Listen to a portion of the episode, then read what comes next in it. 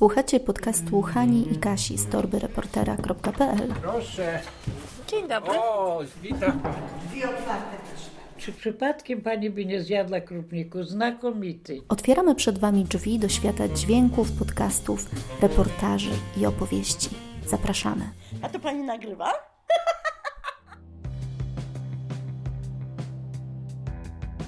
Gdy opowiadamy komuś jakąś historię, chcemy zaciekawić drugą osobę, sprawić, by się przejęła tym, co się wydarzyło. Chcemy wywołać emocje. Jeśli wywołamy te emocje, to słuchacz lepiej zapamięta daną rzecz, albo zainspiruje się tym, co usłyszał, albo jeśli się emocjonuje, to znaczy, że to, co opowiedzieliśmy, ma wpływ na niego. To jest właśnie moc historii, niezwykle ważna dla podcasterów, dziennikarzy, osób, które chcą promować swoją markę, bo dobrze opowiedziana historia zapewnia sukces. A jak to zrobić? My to wiemy, powiem nieskromnie, bo wraz z Katarzyną Błaszczyk od wielu lat pracujemy w radiu.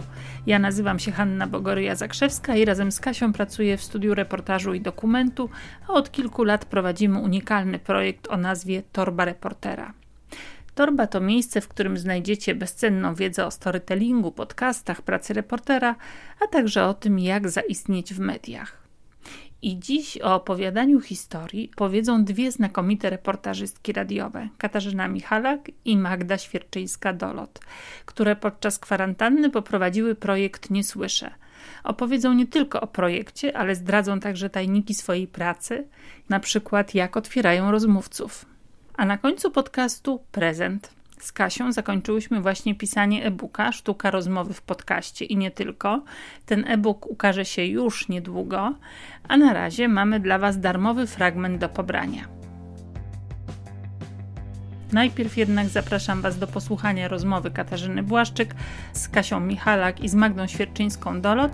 Jest to zapis audio live'a, który odbył się kilka tygodni temu na profilu facebookowym Torba Reportera Reportaż w praktyce przygotowywałam jeden z reportaży dla e, Radia Gdańsk e, właśnie w izolacji i chciałam zapytać e, moich znajomych na portalu społecznościowym, co oni właśnie, co czują, co przeżywają w izolacji, jakie są ich problemy, jakie są ich rozterki, jakie są ich tęsknoty czy braki. To bardzo fajnie okazało się zafunkcjonować. Później też w reportażu można było to wysłyszeć i tak sobie pomyślałam, że może warto by było takie właśnie luźne zdania, luźne myśli, luźne pocztówki dźwiękowe czy emocjonalne e, umieścić e, na jakiejś platformie, być może na blogu. I tak zaczęłam myśleć i w pewnym momencie e, pomyślałam sobie oczywiście też o Kasi, z racji tego, że jakaś, jakoś tak bliżej jesteśmy jako reportażystki też ze sobą. Napisałam do niej, co ona myśli o, takim, o takiej formie dokumentowania tego e, czasu. Przecież po to jesteśmy my reportaży, żeby o tym, że to jest chwilowe, tak naprawdę miejmy nadzieję, że to jest chwilowe, że to przeminie, ale potrzeba jest, by o tym mówić, by to gdzieś zostało. I właściwie Kasia powiedziała, że to jest fajny pomysł, natomiast dodała dużo od siebie i tym razem chyba jednak powinnam Kasi oddać głos, ponieważ no właśnie, ta część kolejna należała do Kasi, ta już dźwiękowa, gdzie połączyłyśmy siły tak naprawdę. Dodajmy, że chodzi o Katarzynę Michalak Oczywiście, Kasia. Lublin, ponieważ akurat jesteśmy dwie Kasie, więc chodzi o Katarzynę Michalak, Polskie Radio Lublin, Magda pracuje dla Radia Gdańsk. E, no to teraz Kasiu tłumacz się, co zmieniłaś w tym projekcie i, i dlaczego w ogóle, dlaczego ten dźwięk jest taki istotny. Chciałabym, żeby to mocno wybrzmiało, bo myślę, że oglądają nas ludzie, którzy tworzą audio pewnie różni ludzie, pewnie e, są to reportażyści, e, pewnie są to reporterzy radiowi, ale pewnie też są to podcasterzy. Dlaczego ten dźwięk jest taki ważny i jak on ma wybrzmieć w waszym projekcie? Bo ten, i co, na czym polega w ogóle ten projekt? O co chodzi w projekcie Nie Słychać? Rzeczywiście wszystko zaczęło się od Magdy. Magda napisała do mnie, mm, że ma taki pomysł, aby dokumentować e, tę rzeczywistość e, audialną, zmianę w dźwięku. E, po prostu prosić osoby zainteresowane o to, by dzieliły się mm, swoimi emocjami, swoimi przeżyciami. A ja sobie pomyślałam, że właściwie no, wszyscy, którzy rejestrujemy rzeczywistość, nagrywamy, czy opisujemy, czy filmujemy, mamy teraz właśnie taką potrzebę. Może by mm, poszukać głębiej, może coś głębszego e, powinno z tego wyniknąć. I przyszedł mi do głowy właściwie równolegle, zanim Magda się skontaktowała ze mną, taki pomysł, aby zbierać opowieści o tym, czego nie słyszymy, czyli o tym, co utraciliśmy, o tym, czego nie ma w audiosferze. Y, to miał być taki sprytny trik, ponieważ tak sobie wyobraziłam i rzeczywiście tak się stało. Y, mówiąc o tym, czego nie słyszymy, opowiadamy po chwili o tym, co słyszymy, czyli mamy niejako dwa w jednym. A oprócz tego e, opowieści o, o dźwiękach prowadzą nas trochę dalej, prowadzą nas do tych mikrokosmosów, prowadzą nas do ludzi, do miejsc, za którymi tęsknimy. A więc ten dźwięk jest znowu tylko pretekstem do posłuchania historii, naszych historii. No właśnie, mówisz e, o tym, że historia e, jest ważna, i ja tak się zastanawiam czasami, bo w Polsce obecnie ten rynek audio bardzo się rozwija, bo to już nie jest tylko radio, ale to są też podcasty, bardzo różne podcasty, bo czasami bardzo zawodowe. E, I zastanawiam się nad tym, co jest obecnie najważniejsze w powieści audio. E, co dla nas jest najważniejsze w opowieści audio? My wszyscy jesteśmy reportażystami radiowymi, więc pewnie też inaczej postrzegamy ten dźwięk niż, niż inni, ale co inni mogli, czego oni mogliby się od nas uczyć, co mogliby od nas wyciągnąć, na przykład na podstawie takiego waszego y, projektu? Kto odpowie? Ja, ja mogę, y, to znaczy, ja y, spodziewałam się tego pytania, bo wiem, Kasiu, że zresztą fantastyczną robotę robi Torba, że łączy te dwa środowiska, środowisko reportażystów i środowisko podcasterów ale ja zauważam, że e, wśród opowiadaczy czy wśród ludzi zainteresowanych dźwiękiem jako tworzywem są takie trzy równoległe nurty. Nie wiem, czy one mogą się krzyżować, pewnie wzajemnie inspirować, tak, ale ja bym po, pozwoliła im płynąć właśnie tymi trzema strumieniami, nurtami. Po pierwsze, są to artyści zajmujący się pejzażem dźwiękowym, ekolodzy akustyczni, bardzo prężnie rozwijający się nurt field recordingu, czyli osoby, które mają potrzebę właśnie rejestrowania mm, zjawisk audiosfery, y, audiosfery miejskiej, odgłosów y, świata przyrody. Istnieje mnóstwo e, stron internetowych, portali, gdzie występuje, y, gdzie dochodzi do wymiany tych dźwięków, tych prac. Niektórzy idą krok dalej, czyli łączą te dźwięki z muzyką i, i wchodzimy już tutaj w obszar sztuki. Obok tego są podcasty, które, które mnie kojarzą się, chociaż tu możemy dyskutować, bardziej yy, yy, według mnie mają przede wszystkim wartość użytkową albo rozrywkową i oparte są na słowie i, i na głosie, i na tym, co możemy przemycić słowem, y, czyli maksimum treści, maksimum energii osoby, która do nas mówi. I gdzieś pomiędzy są reportażyści radiowi chyba najmniej rozumiani w tych swoich zainteresowaniach, bo nas interesuje y, człowiek, człowiek, autentyczny człowiek, czyli y, współtworzymy nasze prace z drugą osobą.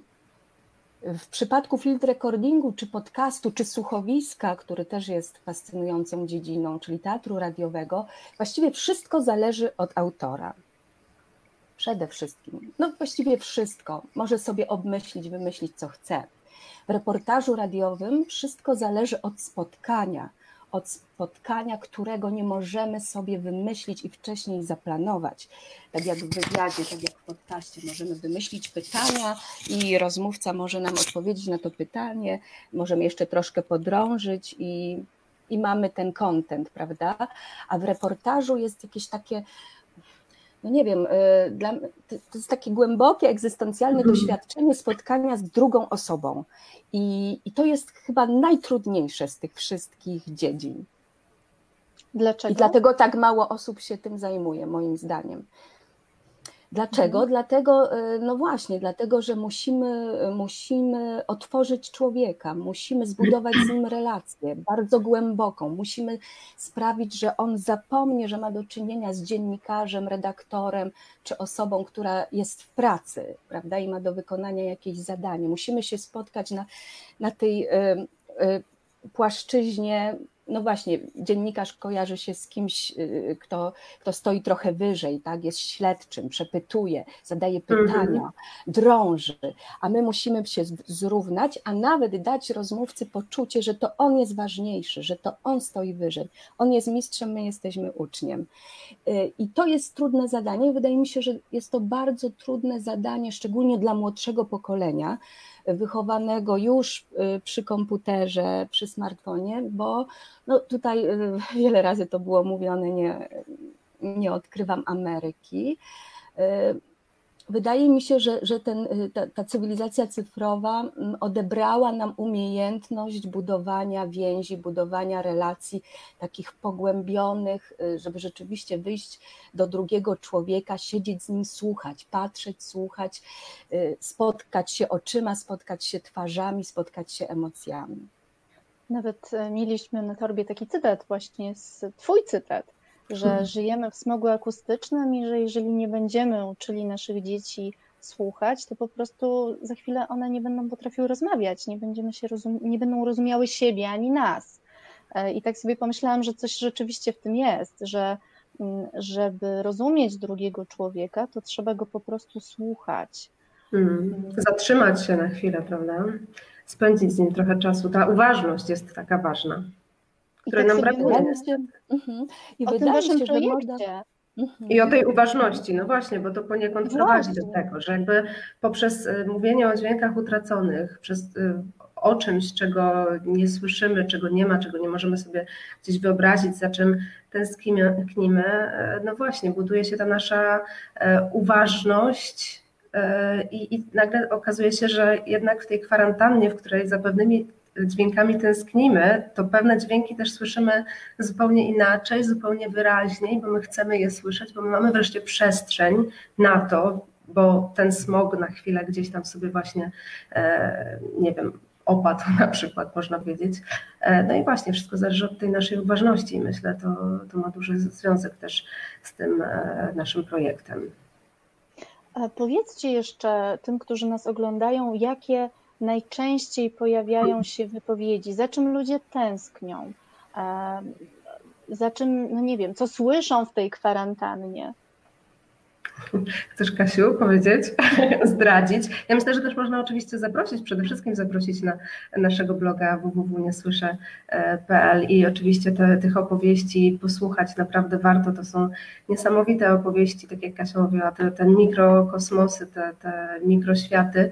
Cisza to się pojawia najczęściej. Chyba pośród tych kilkunastu opowieści e, pięć czy sześć mówi o ciszy. To jest oczywiście cisza, ja nie będę zdradzać, cisza w różnych wymiarach. Cisza e, z jednej strony brak takiej ciszy w domu, bo, bo mamy dzieci, bo mamy spęd, bo mamy, nie wiem, naukę online, musimy sobie ze wszystkim poradzić. Z drugiej strony tęsknota za e, ciszą w miejscu pracy na przykład. Ale oczywiście tych odsłon jest wiele, zachęcam to jest, e, to jest też tęsknota właśnie za tą przestrzenią, e, w której pracujemy, w której spędzamy 70-80% naszego czasu. Jest to powieść e, dziewczyny, która jest, która pracuje w barze, w kawiarni i opowiada fantastycznie opowiada z takimi naprawdę drobnymi szczegółami o tym, za jakimi, za jakimi dźwiękami tego miejsca pracy tęskni. Jest to powieść e, o, jest to powieść Szymona, który jest artystą teatralnym, ale też kabareciarzem, e, który mówi o tym, że tęskni za pochrząkiwaniem swoich widzów w momencie, kiedy jeszcze nie jest na scenie, a jest tuż przed i przygotowuje się e, do wyjścia. To są naprawdę, o, jest na przykład fantastyczna opowieść Tatiany, która mówi o tym, że tęskni za samolotami, które buszują nad nami w przestrzeni e, takiej właśnie, w, no, przestrzeni nad nami, bo ona mieszka w, w miejscu, gdzie e, jest to miejsce obok lotniska, blisko lotniska, dlatego te samoloty była do nich przyzwyczajona, e, a teraz ich po prostu zabrakło. Ruch lotniczy jest zatrzymany i na podstawie tego braku dźwięków samolotu buduje się niesamowita opowieść i to nie tylko o samolotach o podróżach, o spędzaniu czasu z bliskimi, o oddalaniu się i przybliżaniu. Naprawdę zachęcam do tego, żeby pochylić się, pochylić się nad tymi dwu, trzyminutowymi opowieściami, e, by, by poczuć, by wyobrazić sobie, by zrozumieć, czego nam brakuje chciałabym trochę porozmawiać z Wami o warsztacie. E, mhm. Nie będę Was pytała, w jaki sposób zamierzacie opowiedzieć tę historię, bo myślę, że a jeszcze nie wiecie, a poza tym nie będziemy tego zdradzać, ale mm, z tego, co widzę i z tego, co na razie jest na blogu i z tego, co mówicie, mm, to jawi mi się, że to jest takie troszeczkę od szczegółu do ogółu. Czyli tak naprawdę te opowieści są o czymś innym.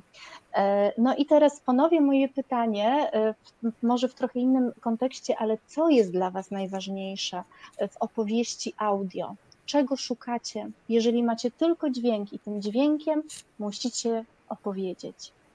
Mhm. A Kasiu, pytasz już o pracę nad reportażem, czy jeszcze o nasz projekt? Mhm.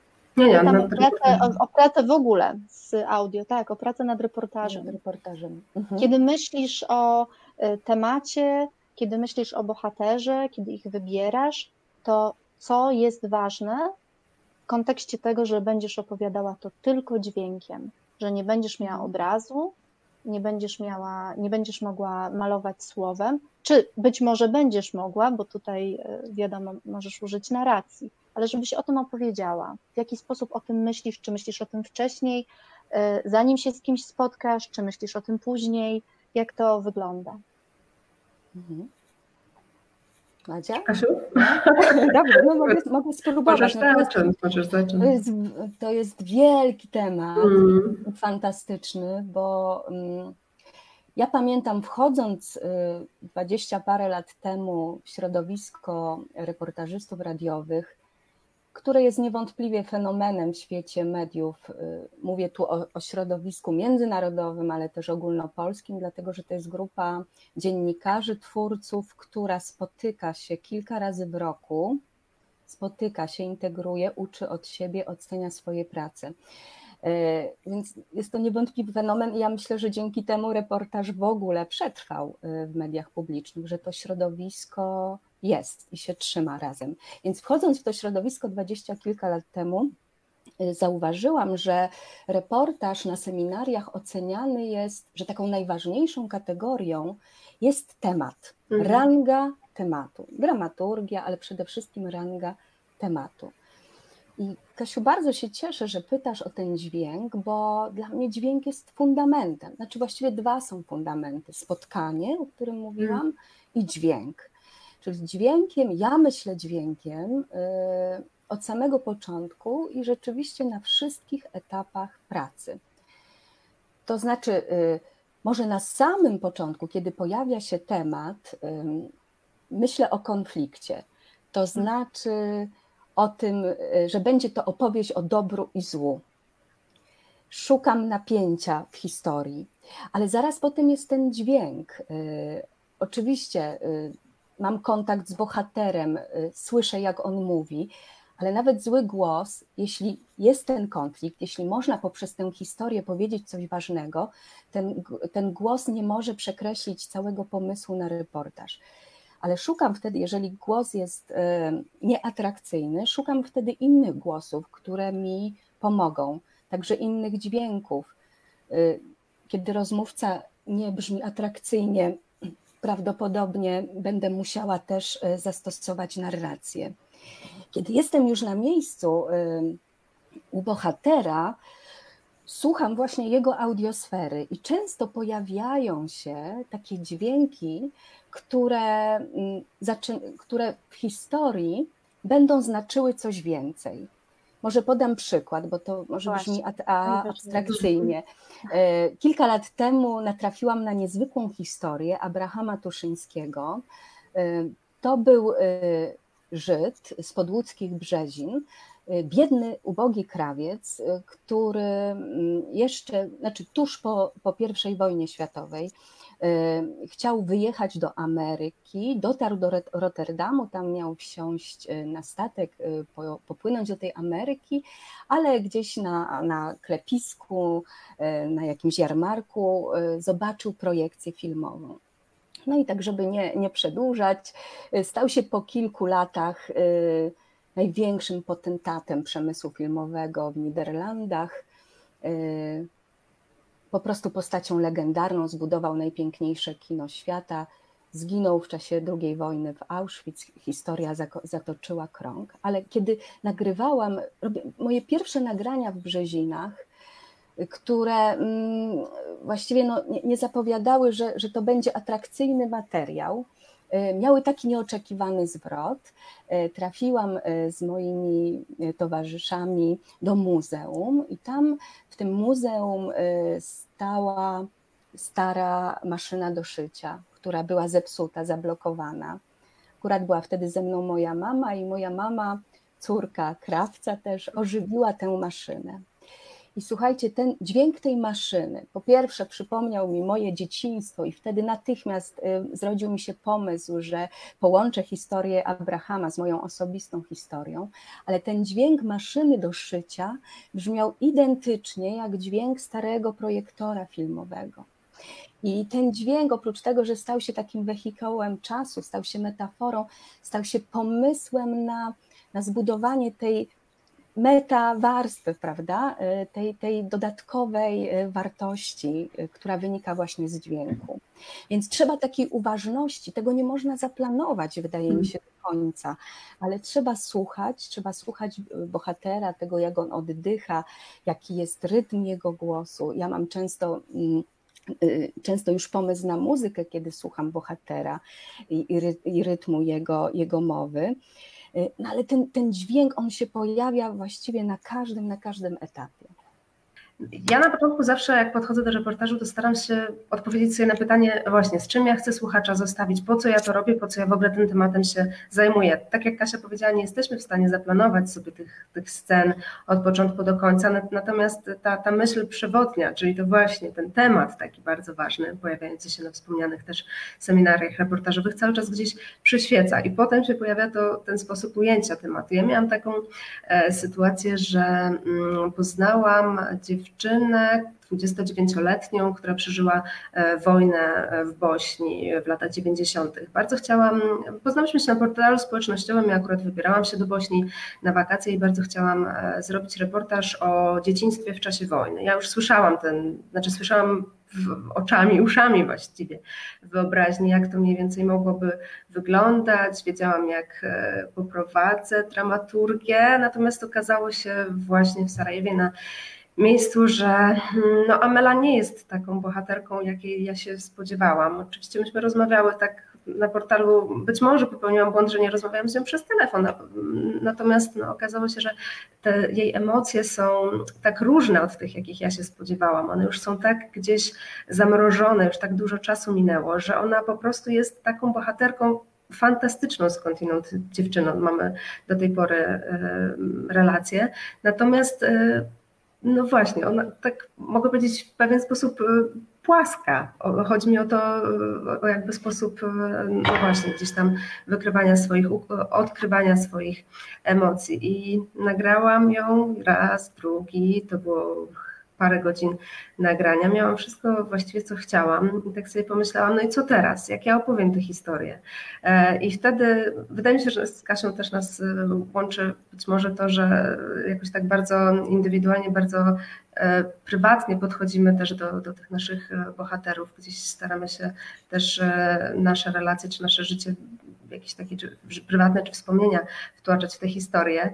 E, I pomyślałam sobie, że takim sposobem na, e, na przełamanie tej Ameli będzie to, jak ja właśnie dodam bohaterkę, dodam siebie e, i dodam swoją córkę, czyli pojawiła się w tym momencie historia nie tyle o dzieciństwie w czasie wojny, dzieciństwie Ameli, co, co historia również o dzieciństwie w ogóle, problemach, przed jakimi ja chciałabym swoją e, córkę na przykład ustrzec, a przed którymi mama Emeli nie dała rady ustrzec swojej córki, bo była zupełnie inna sytuacja polityczna, społeczna, no i w ogóle e, na mapie świata. E, także właśnie tutaj to był reportaż tak daleko, tak blisko. No właśnie, czasami się zdarza tak, że ten bohater nie jest taki, jaki byśmy chcieli, żeby był. No i wtedy dużo zależy od nas, reportażystów, jak ten temat przedstawimy, jak tego bohatera przedstawimy, żeby go nie stracić. No właśnie, bo, bo jest ważny, tak czy siak. Myślę, że do bohatera zaraz wrócimy, bo to było moje kolejne pytanie, ale pojawiło się pytanie w komentarzach. Ja postaram się teraz je pokazać. Ono jest bardzo długie. O, zakryło nam całą Kasię, ale muszę je przeczytać. Bardzo przepraszam. Zaraz cię odkryję, Kasiu. Hej, pytanie do Kasi i Magdy. E, jeżeli wiemy, gdzie jest konflikt, gdzie są punkty zwrotne, mm, na ile, na ile ważne jest zarysowanie życie codzienne naszego bohatera? E, I tutaj jest przykład reportażu Kasi, nasza Wiktoria. E, niesamowite było dla mnie to, że przez pierwsze 10-15 minut opowiada historię kochającej się rodziny. Po prostu zwykłe życie rodzinne. Już mogę schować, prawda, żebyśmy się widziały. Czyli na ile to jest ważne? No bardzo ważne jest. Mm. Podoba mi się to, co Magda powiedziała, że zabierając się do pracy, należy wyobrazić sobie y, zakończenie historii, mhm. czyli z czym chcemy pozostawić słuchacza. Y, jeżeli każdy z nas marzy, żeby, żeby pozostawić słuchacza nieobojętnym, nawet jeśli jest to historia radosna i rozrywkowa, żeby pozostawić go nieobojętnym i żeby on sobie na przykład y, jutro rano po obudzeniu pomyślał jeszcze raz o tej historii. Czyli chodzi o, chodzi o emocje. I teraz te emocje, nad, nad tym, żeby wywołać emocje, myślimy też od samego początku, aby doprowadzić nas, naszego słuchacza do kulminacji, do największego wzruszenia, który jest albo w zakończeniu, albo w dwóch trzecich reportażu. I musimy, musimy budować po prostu kontrasty. Czyli jeżeli będzie wielkie boom w tych, w tych dwóch trzecich, to. Yy, ja muszę wcześniej troszeczkę łagodzić te emocje, troszeczkę zwieść słuchacza, żeby później go zaskoczyć, prawda? Ale jednocześnie, Agnieszko, bardzo dziękuję że, za takie miłe słowa o tym reportażu, ale jednocześnie opowiadając o tej codzienności, niby o zwykłych sprawach, już przemycić jakiś nastrój zagrożenia, jakieś jedno zdanie czy jeden dźwięk, który świadczy o tym, że nie jest tak idyllicznie, nie jest tak sielankowo. Każda historia jest y, indywidualna i podsuwa nam nowe pomysły, ale na pewno według mnie błędem jest, jeżeli cały reportaż od początku do końca jest na takiej wysokim diapazonie, po prostu te emocje są po, przez pół godziny takie mocne, że, że w dziesiątej minucie już słuchacz y, jest po prostu zmęczony. Dlatego wymyśliłam coś takiego, ale to może na, na inne spotkanie, jak hipsometryczna mapa uczuć. Każdą sekwencję rozrysowuję sobie w innym kolorze. Tak jak na geograficznej mamy niziny, czyli letnie emocje na zielono, wyżyny na żółto, duże emocje na czerwono i układam wokoło siebie te kwadraty, tak żeby były różnice, żeby było różnice, żeby nie było tak, że y, cztery następujące po sobie sceny są czerwone, czyli bardzo mocne, bo wtedy słuchacz będzie zmęczony. A to bardzo, bardzo piękne z tymi kolorami. No, ściągam. No, właśnie, mogłabyś pokazać. Tak, tak. Właśnie koniecznie chyba musimy w ogóle zrobić o tym osobny live, bo to, bo to piękne jest. E, jeszcze zaraz być może będzie jeszcze jedno pytanie, bo tutaj padło, tylko poprosiłam panią Gabrielę, żeby doprecyzowała, bo e, nie do końca ja rozumiem o co chodzi, może, może zaraz je przedstawimy, natomiast wróćmy do bohatera. E, dla mnie zawsze takim pytaniem, które się bardzo często pojawia, jak rozmawiam z młodymi ludźmi, jest: no ale jak pani otwiera bohatera? Jak pani przygotowuje tego bohatera do rozmowy? I wiem, że każda z nas pewnie będzie miała tutaj coś innego do powiedzenia. Magda, jak ty to robisz? W jaki sposób przygotowujesz swoich bohaterów? W jaki sposób przygotowujesz ich, że no, pójdziesz z nimi tak głęboko? Przyjdzie pani z radia, tak. To no znaczy, zazwyczaj e, nasze spotkanie, jeżeli nie jestem w stanie pod, przyjechać najpierw, ale nie, zazwyczaj robię to przez telefon, czyli mm, nagranie, same odwiedziny, poprzedza rozmowa telefoniczna, gdzie grzecznie tłumaczę, o co mi chodzi, że nie chcę zrobić e, nikomu krzywdy, nic, nic złego nie powiedzieć w żadnym złym świetle, stawiać bohatera. E, mniej więcej zarysowuję, do czego dążę i dlaczego akurat wybrałam pana czy panią e, do tego, żeby, żeby właśnie opowiedzieć tę historię. E, zbieram też, e, jeżeli to możliwe oczywiście, informacje na temat mojego bohatera z różnych innych e, ust czy rąk, żeby mieć jakiś taki zarys. Oczywiście czytam jak najwięcej, jeżeli jest, jest taka możliwość. I potem jadę, po prostu jadę i ja nagrywam rozmowę już od samego początku, czyli momentu wejścia, nie wiem, do domu czy do jakiejkolwiek innej przestrzeni, od momentu spotkania się z moim bohaterem już mam otwarty mikrofon. Ja wielokrotnie spotkałam się z tym, to znaczy na początku niestety, no jak każdy z nas uczymy się na błędach, ja uczyłam się na, na swoich błędach, mianowicie, że jeżeli nie miałam tego otwartego mikrofonu, to często było tak, że bohater powiedział mi dużo, dużo, dużo, dużo takich rzeczy, które ja słyszałam, że są fantastyczne i że które ja bardzo chętnie bym wzięła dla siebie i potem dała je słuchaczom, ale jak e, powiedziałam, no to nagrywamy, magiczne słowo, magiczne zdanie, to wszystko było zupełnie inaczej, więc jakby tym, że nagrywam na otwartym mikrofonie, tym, że to wejście jest takie płynne i staram się na początku zupełnie zagadywać o, o pogodę, o mieszkanie, o miejsce zamieszkania, o, o takie tematy e, bardzo łatwe dla, dla nas wszystkich, jakieś takie tematy tak naprawdę błahe, żeby tę atmosferę takiego być może stresu, bo zawsze jest stres, myślę, że z obu stron, mimo warsztatu pracy, e, to właśnie, żeby te emocje troszeczkę tak nad nimi zacząć e, panować. No i właśnie, po prostu rozmawiam, potem nagrywam i zazwyczaj jest tak, że to działa, że wtedy ten bohater już widzi, że ja naprawdę nie chcę nic złego od niego i że mam mikrofon, który tak naprawdę nie jest aż tak widzialny, bo takie pytania też się pojawiały często, że ale ja tak właściwie to, to nie wiem, jak mówić do mikrofonu, że on jest taki duży, że on jest taki przy, przy ustach, bardzo blisko. Ja mam na szczęście taki sprzęt, myślę, że każda z nas ma sprzęt, który nie musi być aż tak ekspansywny i aż tak blisko trzymany ust, że może być bardziej dyskretny i wtedy człowiek o nim e, łatwiej zapomina i po prostu nagrywamy i jak trzeba, to wracam do bohatera. Często wracam, już po przemyśleniu, po przespaniu się e, z tematem, z tą rozmową, po ułożeniu sobie w głowie.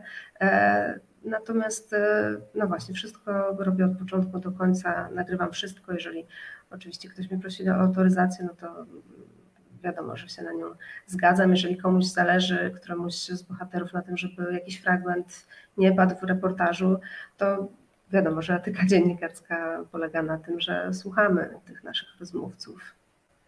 Mhm.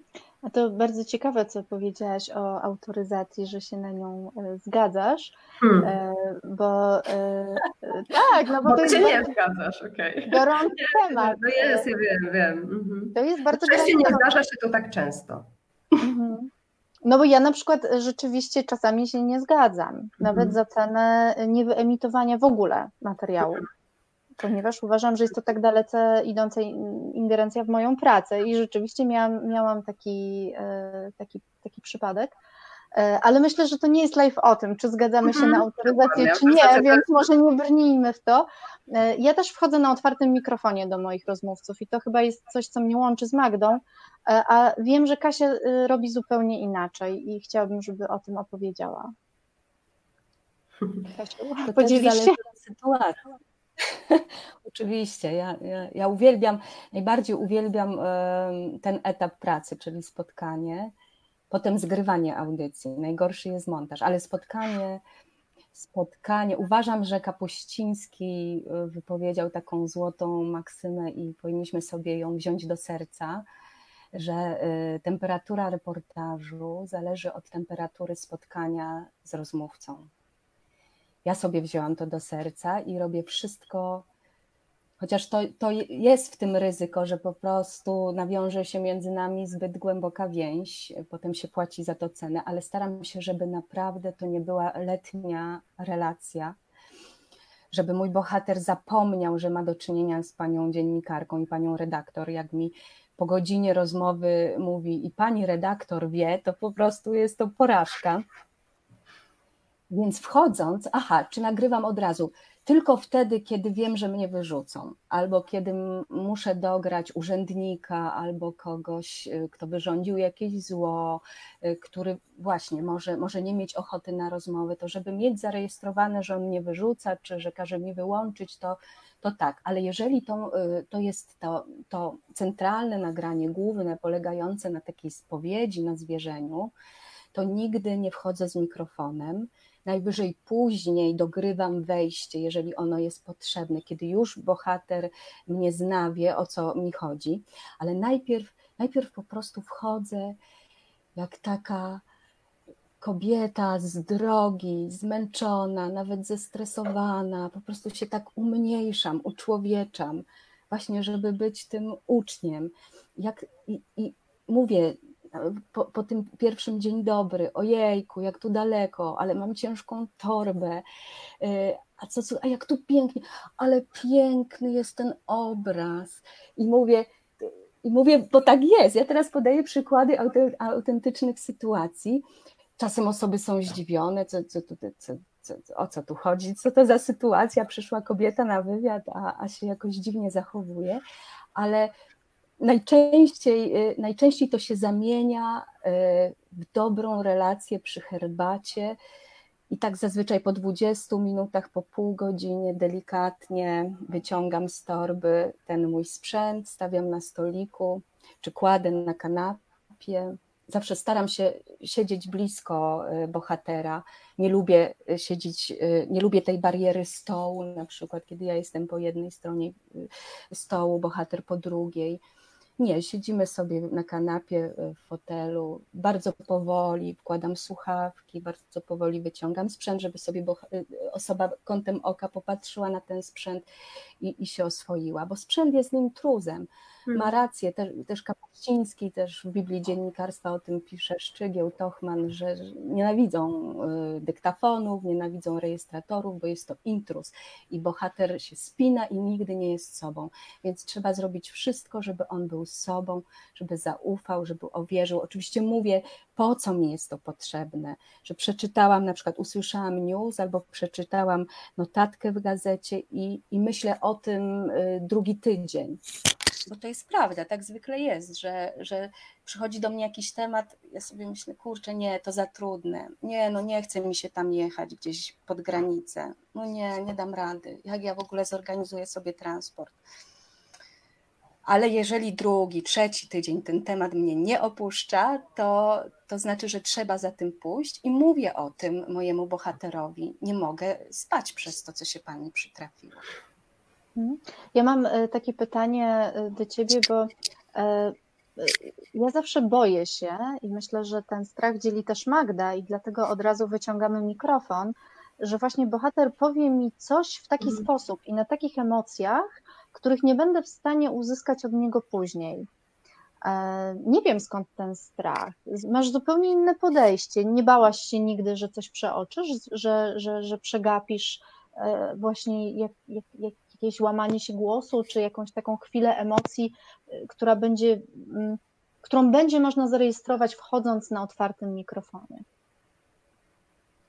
Tak, tak, było tak kilka razy w bardzo ważnym moim reportażu, który, który lubię, Studnia, y, gdzie właściwie rodzina nie chciała mnie do, dopuścić do bohaterki, starszej pani, która wpadła do studni niezabezpieczonej studni znajdującej się w polu i przeżyła tam pięć dni. Rodzina ją zaczęła szukać dopiero trzeciego dnia. E, I, i, i wtedy tak, no, no, no rodzina już nie chciała, żeby, żeby dziennikarz kolejny przyszedł. Ja oczywiście odczekałam kilka miesięcy i, i ja, a ja postanowiłam zapukać do jej drzwi, niech mnie wyrzuci. Włączyłam mikrofon i, i po prostu patrzyłam na nią. Powiedziałam, że bardzo chcę porozmawiać, bo że, że tak że tak o tym myślę i to jest taka historia potrzebna innym samotnym starszym ludziom. I ona najpierw krzyczała, nakrzyczała, jak to jest jej źle, jak, jak, jaki to los jest niesprawiedliwy wobec niej. I po dwóch minutach, tak się zaczyna zresztą ten reportaż, mówi: A to niech pani wejdzie. I wtedy, kiedy jest takie ryzyko, kiedy wiem, że, że coś takiego może się wydarzyć, to tak, ale jeżeli, jeżeli mam tę pewność, że bohater wyraża zgodę, że my spędzimy te 3-4 godziny ze sobą, y, że dotknę takich najczulszych strun, to po prostu nie chcę go wystraszyć na dzień dobry. Tymi, tymi słuchawkami, tym, tym mikrofonem, który mam zewnętrzny, bo ja y, nagrywam zewnętrznym mikrofonem z kablem rejestrator trzymam w drugiej ręce. Więc y, zazwyczaj jednak y, w trakcie rozmowy wyjmuję sprzęt. Mhm. No i pięknie. Różne kobiety, różne podejście. Ja myślę, że to też jest y, bardzo cenne. to bardzo możemy... zależy od tematu i sprawy. Mhm. Mhm. Mamy kolejne pytanie, to jest od Mar Mariany. E, znowu jest bardzo długo i zakrywa nam Pozdrawiamy bardzo. Tak, ale nie mogę tego zmienić, bo zupełnie nie mogę e, nas zamienić e, miejscami. Chciałabym, ale nie, nie opanowałam jeszcze tego programu. E, czy zdarzyło się Wam, że Wasz bohater po kilku dniach czy tygodniach od nagrania dzwonił i mówił, że chce coś dopowiedzieć, że chciałby jeszcze porozmawiać? Hmm. To jest piękne, jeżeli tak mi się wydaje, że jeżeli bohater chce, żebyśmy do niego e, wróciły, mm, bo znaczy, że ta więź, o którą nam tak bardzo chodzi, została e, gdzieś tam właśnie, że, że ona została nawiązana i, i to jest cudowne. Mi się nie zdarzyło, powiem szczerze, więc e, chyba jesteś szczęściarą w takim razie. Nie wiem, jak, jak u Was dziewczyny, mm, ale no, wow, fajnie. Kasiu, Czasem to jest trudne wyruszyć znowu w drogę. Ale ja tak miałam z niebieskim płaszczykiem, z reportażem, który też tam trochę wyruszył w świat. Y, moja bohaterka, chyba trzy podejścia robiłam. Po prostu no nie, no była Kasiu, bardzo Trzeba powiedzieć, że niebieski płaszczyk to jest Italia, czyli mm, właściwie nagroda w najważniejszym konkursie radiowym to jest prawdziwe dzieło, więc powiedzmy to teraz tutaj bardzo głośno, że to jest Italia dla Katarzyny Michalak za stare dzieje. Płaszczyk. No nie takie stare, stare dzieje. lat temu. Opowieści z mchu i paproci. Mm. No ale to tak, tak było, że, że rzeczywiście Danusia Radzka była bardzo spięta, bardzo zdenerwowana. Mówiła y, wyczułam, że sobie przygotowała wszystko wcześniej, wymyśliła w głowie, co ma powiedzieć i mówiła, jakby czytała z kartki. To było słychać. I chyba trzecia sesja dopiero była udana, i też pootwierały się różne szufladki w pamięci. I rzeczywiście to nagranie było najlepsze. Mhm. Ale teraz już, już no, jako taki doświadczony reportażysta, wydaje mi się, że, że no, mam taką intuicję. No, to jest kwestia i doświadczenia, ale no może chyba też jakiegoś daru, żeby tak poprowadzić rozmowę, żeby mm, zapytać o te najważniejsze rzeczy. Ale chyba zdarzyły, zdarzały się takie historie. Wtedy trzeba jechać. Mi się zdarzyło, że ja wracałam, ale właśnie z jakiegoś powodu, bo, bo ja chciałam dograć, a, a nie tak właśnie, że, że to mhm, bohater chciał jeszcze tak porozmawiać. ale ciekawość jest niesamowita, bym mnie pewnie zjadła, więc też bym pojechała, mimo że to by było na przykład gdzieś za granicą albo na pograniczu zupełnym. Na pewno, na pewno, to jest bardzo fascynujące. Ja ale to zazwyczaj mam Marianko, jeżeli... Mhm. Mhm. Proszę, Kasiu. Proszę, proszę, proszę, Kasiu, przepraszam. Ja tylko chciałam powiedzieć o zupełnie innych sytuacjach, a mianowicie y, wyłączam mikrofon, wsiadam do samochodu, już skończyłam nagrania i mam takie poczucie, że no dobra, no jest zrobione, koniec, więcej nic nie wyciągnę i wtedy ten ktoś biegnie za mną, ale wie Pani co, ja jeszcze Pani coś powiem. I czasami to jest właśnie ten moment, kiedy dopiero zaczyna się opowieść. Nie wiem, czy też tak macie? O tak, często tak jest, że najważniejsze zdania padają po wyłączeniu mikrofonu. No, Albo po trzech godzinach, kiedy już jesteśmy zmęczone trzeba znowu. Znaczy, no, trzeba, wiadomo, jeszcze poświęcić trochę czasu, tak się zdarza, dokładnie. To przesłanie dla no Marianki. Warto tu też wspomnieć, tak, i, i, też o ciszy w czasie nagrania, bo cisza e, w, e, w konwersacji jest czymś najczęściej nieznośnym, kłopotliwym, krępującym, a my powinniśmy wytrzymać tę ciszę, nawet półminutową, minutową, bo po tej pauzie bardzo często padają kluczowe zdania dla historii. A Marianko chce powiedzieć, że jeśli bohater chce coś dopowiedzieć tobie, to znaczy, że totalnie Tobie zaufał i to jest wielki dar i wielki Twój sukces, że on jeszcze chce do Ciebie mówić i chce coś dopowiedzieć. Super. Mamy jeszcze pytanie od Jędrzeja, też Wam je pokażę. E, co jeżeli bohaterowi rozmowy się spieszy i ma mało czasu na rozmowę z nami? Jeśli to jest jedyny moment na rozmowę, e, Jędrzej jest podcasterem, akurat znamy się, więc tutaj tak Wam nakreślę, troszeczkę y, robi inne rzeczy niż my, no ale czasami też chyba mamy takie sytuacje, że naszym bohaterom się spieszy. Co wtedy? Co wtedy robicie?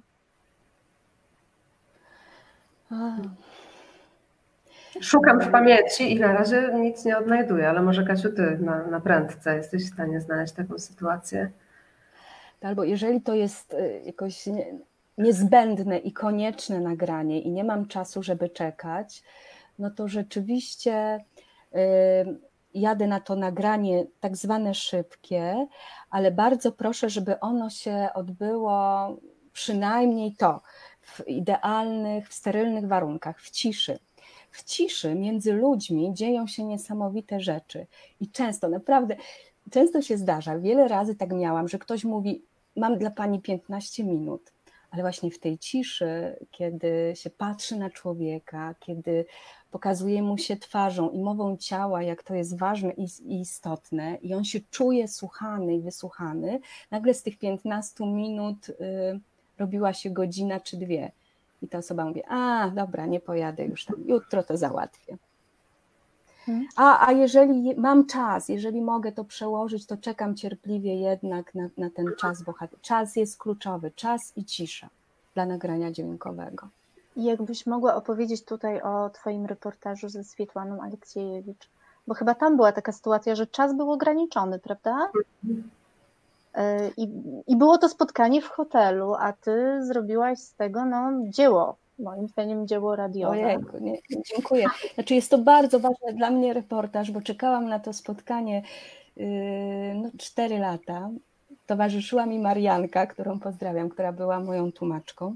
Yy, Oczywiście wymarzyłam, się, wymarzyłam sobie, żeby, żeby pojechać na Białoruś do Swietłany Aleksiejewicz. To było moje wielkie marzenie, odkąd usłyszałam jej mowę noblowską, w której powiedziała, że jest człowiekiem uchem, że u niej cały proces tworzenia reportażu literackiego przecież zaczyna się od słuchania i że czasami czuję, że literatura nie jest w stanie sprostać y, całej ludzkiej historii, ponieważ jest ta część ludzkiego życia wypowiedziana, której nie da się przetłumaczyć na język literatury. I to mnie zafascynowało, bo jakby Swietłana powiedziała, nie powiedziała tego, ale ja to tak zinterpretowałam, czyli jest dla Was miejsce, dla Was opowiadaczy dźwiękiem, bo nie wszystko mogę przepisać, przetworzyć na, na, język literatury. Dlatego stała mi się bardzo bliska i chciałam ją wypytać o to słuchanie świata, słuchanie człowieka.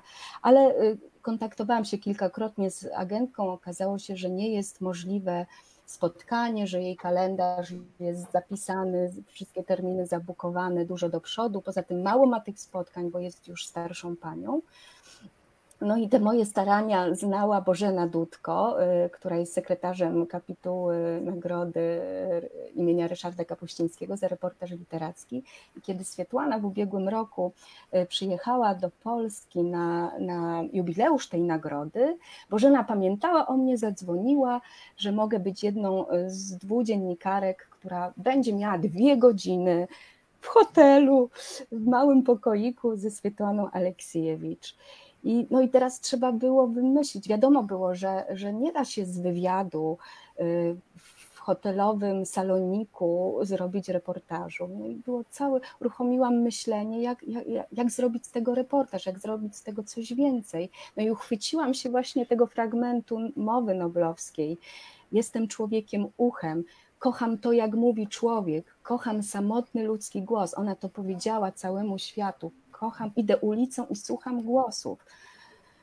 I to zdanie podpowiedziało mi, że będę rozmawiać ze Swietłaną, ale też będę słuchać jej głosu i spróbujemy y, z Arturem Giordano, realizatorem dźwięku i kompozytorem, skomponować muzykę do jej głosu.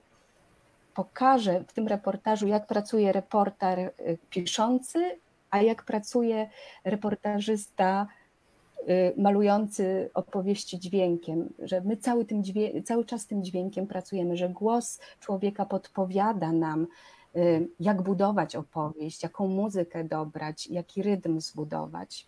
Czyli to jest taka auto, autotematyczna opowieść. Y, ona z dwojgu, to broń Boże, ja się nie zrównuję, nie o to chodzi, tylko ona mnie fascynuje i ja postanowiłam wykorzystać tę fascynację, żeby opowiedzieć też o naszej pracy.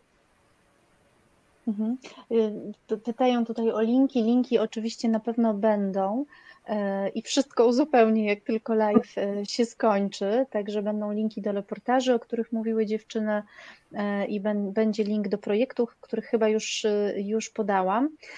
Wracając do Waszego projektu, jeszcze na koniec, to mam takie pytanie, jak pandemia zmieniła nagrywanie produkcji audio? Bo myślę, że to bardzo zmieniło naszą pracę i też ten Wasz projekt to jest jakaś próba E, poradzenia sobie z całą sytuacją też w tej sferze audio. Tak ja to odebrałam. Nie wiem, czy to, czy to jest prawda, ale, ale jak, jak wy myślicie, jak to zmieniło naszą pracę? Z czym się teraz mierzymy i w jaki sposób próbujemy tę pracę wykonywać? Mierzymy się przede wszystkim z, ze wszystkimi komunikatorami, za pośrednictwem których musimy pracować, bo większość z nas pracuje e, z domu. No i rozmowy, no właśnie, cierpimy na brak tego, tej obecności drugiego człowieka, o której cały czas mówimy, że w reportażu jest ona niezbędna i e, generalnie no, najważniejsza. E, więc to, co możemy, bo nie wszyscy chcą nas wpuszczać teraz do domu. Może to się będzie zmieniać, myślę, że będzie się zmieniać. Natomiast ja na początku byłam taka troszkę mimo wszystko zła, tak? Jeżeli mogę pokusić się o jakieś takie prywatne swoje wspomnienia z tego momentu wchodzenia w ten, tę taką inną rzeczywistość medialną, jaka e, była przed nami, jaka się otworzyła przed nami w dobie koronawirusa. Ja jeszcze wróciłam akurat na świeżo z urlopu macierzyńskiego i trzeba było, nagle właśnie otrzymałam komunikat, wszyscy pracujemy w domach, tutaj będziemy mieć taki komunikator, taki komunikator, musimy sobie radzić, tu nagrywanie, e, tutaj oczywiście pięć mikrofonów, które nie działały, tu nie nagrywało przez cały tydzień, musiałam się przebijać przez e, niestety technikę, na którą nie mam wpływu i której też do końca e, nie rozumiem. Jak to już zaczęło mm, działać, e, no to właśnie pojawiła się jakość dźwięku. My zazwyczaj staramy się o to, żeby ta jakość była i wszystko było w stereo i ten dźwięk był mm, brudny czasami tak, natomiast żeby on był taki żeby to był dźwięk dobrej jakości. Nie wiem, jak to, jak to powiedzieć tak, e, takimi słowami pewnie realizatora dźwięku, natomiast żeby to było w, w, no właśnie najlepsza jakość. A tu okazało się, że mm, te takie szumy rozmów telefonicznych, e, jakieś takie metaliczne bardzo e, dźwięki rozmów przez e, Skype'a czy jakikolwiek inny komunikator, bo, bo one spłaszczają przecież dźwięk, że to tak naprawdę nie jest takie złe, że te brudy to jest takie świadectwo czasów, w jakim, w jak, czasu, w jakim jesteśmy e, w tej chwili, właśnie te brudy dźwiękowe, więc e, powiem szczerze, że zaczęłam się tak e, właśnie temu przyglądać jako takiemu podmiotowi, przedmiotowi badawczemu i polubiłam te dźwięki. Oczywiście mam nadzieję, że wróci wszystko do normalności, natomiast faktycznie tak to teraz wygląda. I ja taką mam jeszcze refleksję, jeżeli chodzi o to, jak zmieniła się w pandemii postrzeganie w ogóle bycia reporterem naszej pracy, ja zaczęłam bardzo ufać ludziom, bo e, miałam też okazję w jednym z reportaży, który mm, pod tytułem w izolacji właśnie wykorzystywać nagrane, samo nagranych ludzi. Oni sami siebie nagrywali, ja też jakby nie do końca chciałam, żeby to miało formułę wywiadu, więc oni luźne refleksje nagrywali na wszelkie możliwe komunikatory.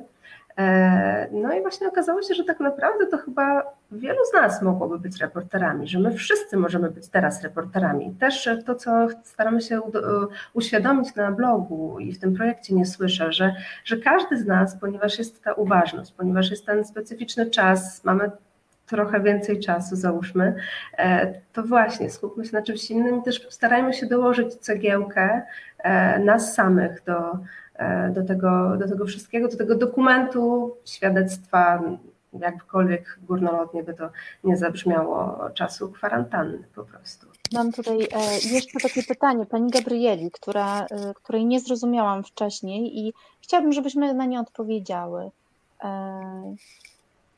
Chodzi o moment, kiedy powstaje dylemat moralny, kiedy reportażysta musi podjąć ciężką decyzję, czy zawrzeć mocny element w reportażu, czy nie kiedy dźwięki i wypowiedzi są kontrowersyjne, kierować się sercem czy rozumem? Mhm. Trudna sprawa.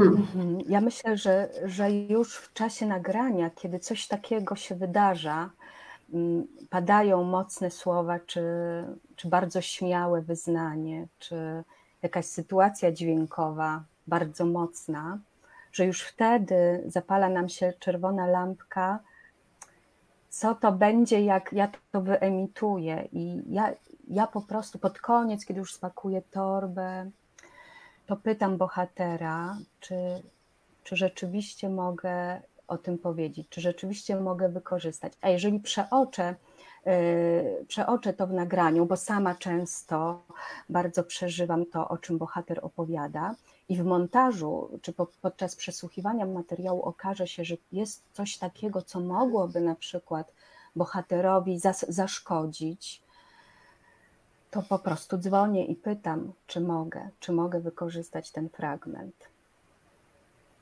Mhm. Bo to rzeczywiście są dylematy bardzo, bardzo męczące, bolesne no tak. czasem. Pytanie, czemu ma to służyć? Czy to jest tylko, czy, czy to ma być tylko szok dla słuchacza, mhm. prawda? Czy to czemuś służy? Czy to służy mhm. historii, służy przesłaniu? Bo jeżeli można z tego zrezygnować i przy okazji nie mieć tego dylematu moralnego, to, e, no to, to tak, to chyba trzeba tak zrobić, tak sobie myślę. A miałam też ostatnio taki dylemat. Wiele razy ja zrezygnowałam. Mhm, mhm. Okej, mów Kasiu. Czasami się nie Muszę słyszymy. Że ja, ja nie się... jestem odważna. Czasem, czasem przerywa, tak, przerywa się łączność, dźwiękowa przynajmniej. Mm.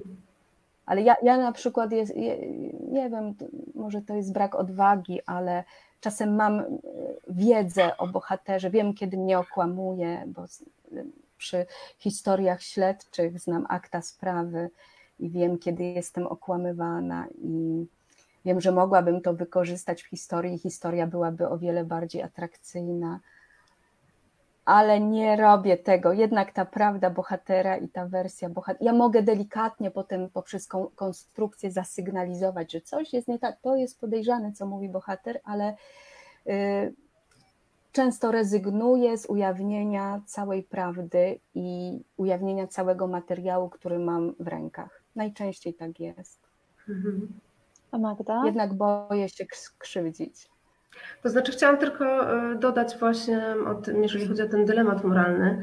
E, przy reportażu kiedyś Ci o tym opowiem, który w ogóle jest takim reportażem, który cały może być dylematem moralnym jednym wielkim. Musimy o nim opowiedzieć jeszcze.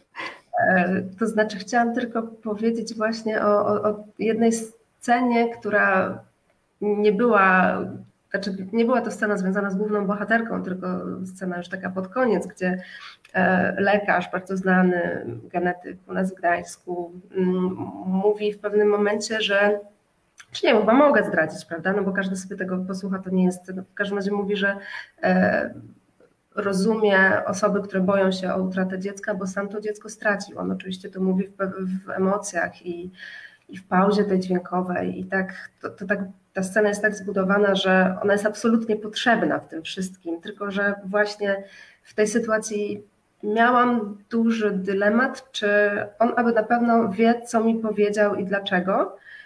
Natomiast potem też przespałam się z tym wszystkim. Potem okazało się, że on w swoim takim pamiętniku, który wydał, e, też o tej historii mówił.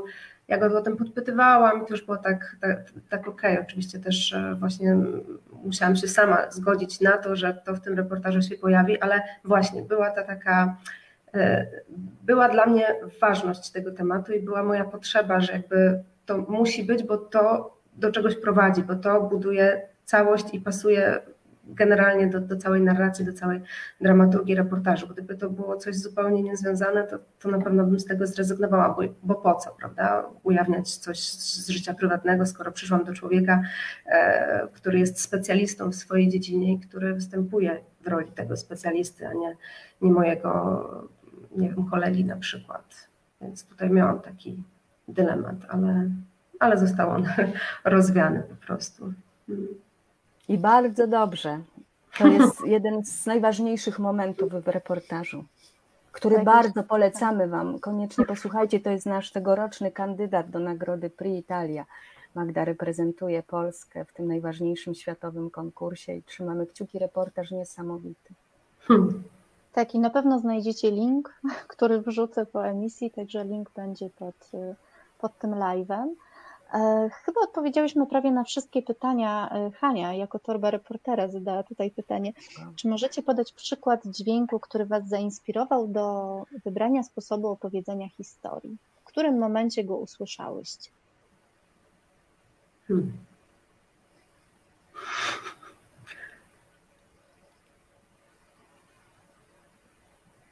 No, to nie jest łatwe pytanie. No właśnie, nie jest absolutnie łatwe. Hmm.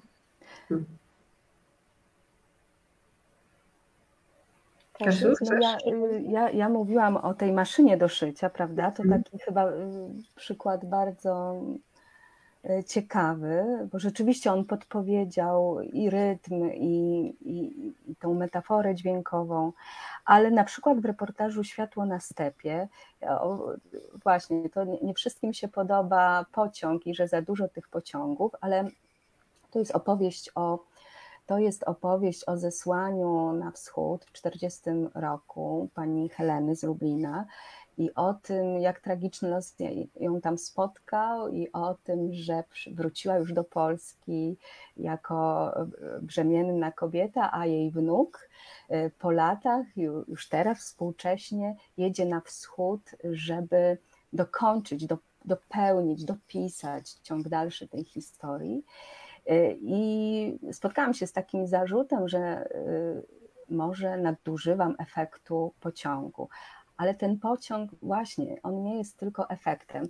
Czyli jak usłyszałam, czyli bardzo wcześnie, Haniu, bardzo wcześnie, y, kiedy pojawił się wątek przemieszczania się, podróży na wschód, a potem powracał, bo i Henia wracała z tego, z tego wschodu pociągiem i jej wnuk po latach y, jechał pociągiem koleją transsyberyjską na wschód, pomyślałam, że ten pociąg może y, oznaczać y, i przemieszczanie się, prawda, w geografii, ale też upływ czasu, bo najpierw mamy stary pociąg, potem już y, współczesny pociąg. To też jest taka informacja o, o, tym, o tym czasie, który upłynął, ale także pociąg mi podpowiedział, jak montować tą historię, bo ten reportaż składa się z wypowiedzi babci i wnuka, takich mniej więcej, staram się zawsze pilnować proporcji 3-4 y, minutowych mówi się, że 2,40 to jest taki idealny format jednego klocka, jednego segmentu, y, ale co jakiś czas, y, powiedzmy co jedną czwartą opowieści, montuje bardzo krótko babcie i wnuka, wchodzą sobie w słowo. I to mi się właśnie kojarzy z podróżą pociągiem, że czasem jedziemy bardzo długo, krajobraz jest taki monotonny, jednostajny, a kiedy pociąg zatrzymuje się na stacji, zaczyna się ruch. Jedni wchodzą do przedziału, inni wychodzą. I właśnie te krótkie montaże, y, co ćwiartkę audycji, pokazują ten, tą zmianę, ten ruch, czyli kiedy dochodzi do przemieszczenia się bohatera, y, y, z, tego, z tych kresów y, na Syberię, potem z Syberii do Kazachstanu, potem z Kazachstanu do Polski, potem z Polski do Kazachstanu. Właśnie kiedy następują te zwroty, ja montuję naszych bohaterów bardzo króciutko. A potem oni w takich dłuższych już segmentach opowiadają o, o swoich emocjach i o tym, co się wydarzyło. Czyli ten dźwięk pociągu podpowiedział mi, jak budować rytm audycji. Super, bardzo Wam dziękuję. Tak sobie pomyślałam, że ten dźwięk pociągu to jest też dźwięk, którego mnie osobiście brakuje w kwarantannie. Mm. Mam wrażenie, o, że tak. więcej pociągów jeździło. Ja mieszkam wprawdzie, no, można powiedzieć, że na wsi, ale jak jest y, duża wilgotność w powietrzu, to słyszę pociągi, bo tory są niedaleko. A teraz zupełnie tego nie ma, nawet jeśli pada deszcz. Rozmowę z Katarzyną Michalak i Magdą Świerczyńską-Dolot poprowadziła Katarzyna Błaszczyk. Więcej naszych podcastów znajdziecie na blogu Torba Reportera i na platformach podcastowych. Opowiadamy o tym, gdzie nagrywać, czym nagrywać, jak używać dźwięki w opowieści, jak dobierać muzykę, jak budować sceny w opowieści. Jednym słowem, mnóstwo wartościowej wiedzy całkowicie za darmo. No i obiecany prezent e-book Sztuka Mówienia w podcaście i nie tylko w sprzedaży już niedługo, ale teraz dla słuchaczy tego podcastu bezpłatny fragment. Fragment, który opowiada o tym, jak przełamywać tremę, jak sobie z nią radzić. Link do tego fragmentu bezpłatnego oraz linki do wszystkich reportaży, które były wymienione w tym podcaście, znajdziecie w opisie do tego odcinka.